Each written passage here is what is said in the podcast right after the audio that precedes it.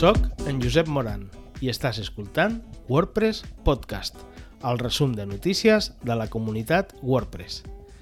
En aquest programa trobaràs la informació del 20 al 26 de novembre de 2023. Després del primer intent d'incloure un botó per previsualitzar extensions al directori, sembla que ara sí que arriba la funcionalitat d'una manera que deixi contenta la majoria. El botó i el funcionament són els mateixos, però tenen alguns canvis respecte a l'intent previ. Per començar, el nou sistema és doble opt-in, és a dir, per defecte no apareix.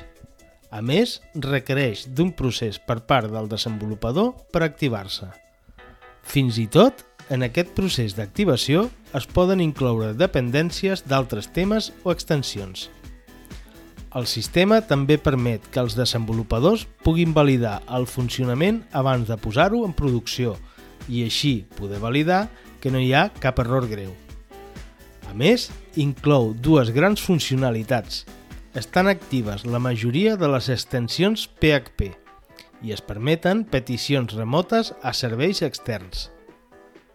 Però aquesta no és l'única novetat, ja que tenim el Gutenberg 17.1, una versió molt focalitzada en la correcció d'errors i no tant en llançar novetats, tot i que en porta. Comencem amb millores en l'accessibilitat i fluidesa de l'escriptura, amb canvis en el bloc de mitjans i text, amb canvis en els estats. Els botons funcionen com el de llista i la vista de llista funciona l'acció del teclat de seleccionar-ho tot. A més, el bloc de cita permet els espaiats. L'equip de Core segueix avançant amb el suport a mòduls JavaScript i l'ús de mapes dins de l'editor. Aquest treball va en la línia de millorar l'ús de JavaScript dins de tot el projecte i no només a l'editor, fins i tot afectant la forma en què s'encuen els scripts.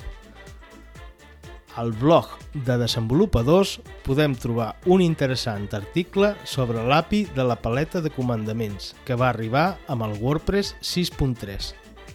A l'entrada podem trobar com registrar comandaments, gestionar-ho des d'una extensió i diversos exemples de codi.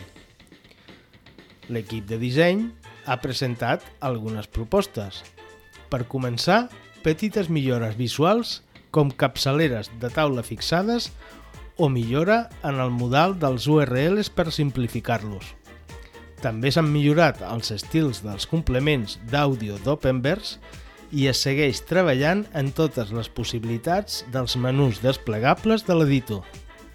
Un canvi interessant és el procés pel qual, quan es canvia una pàgina a pàgina principal, si aquesta no inclou les darreres entrades del bloc, es proposa la creació d'una nova pàgina, perquè aquesta funcionalitat no es perdi.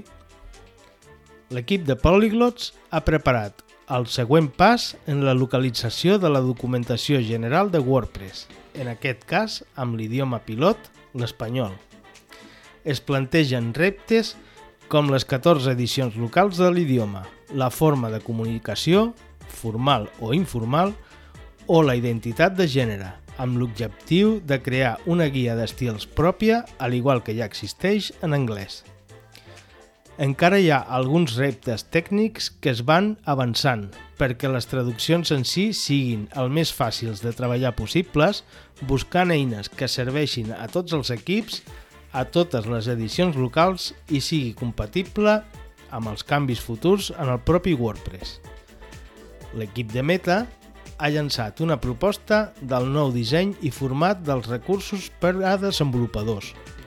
Aquest canvi afectarà a tots els jocs de developer.wordpress.org.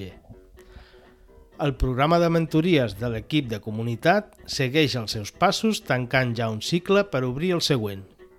Després dels resultats de les últimes enquestes, els més destacats pels participants ha estat guanyar confiança aprendre més sobre Core, entendre el llançament d'una nova versió i conèixer, en general, tots els equips de WordPress. Això no treu que hi hagi suggeriments pels següents, com per exemple, fer de sobres en un procés de contribució d'un tiquet de core, expandir-se a altres idiomes, que els alumnes provin diferents equips amb contribucions senzilles i una millor connexió entre els alumnes. I la segona edició s'acosta, encara sense dates exactes, però que podrien estar entre febrer i abril de 2024, al voltant del llançament de WordPress 6.5. Això comporta que cap al desembre finalitzi la fase de planificació – la crida a tutors i alumnes es farà a finals de 2023. La selecció d'alumnes podria estar a principis de febrer juntament amb el seu anunci i el programa estaria al voltant del 19 de febrer al 29 de març, tancant la graduació al voltant del 12 d'abril. I, per acabar, aquest podcast es distribueix amb llicència EUPL, Tens tots els enllaços per ampliar la informació a wordpresspodcast.cat o seguir el contingut també en espanyol, anglès i francès. Una abraçada i fins al proper programa.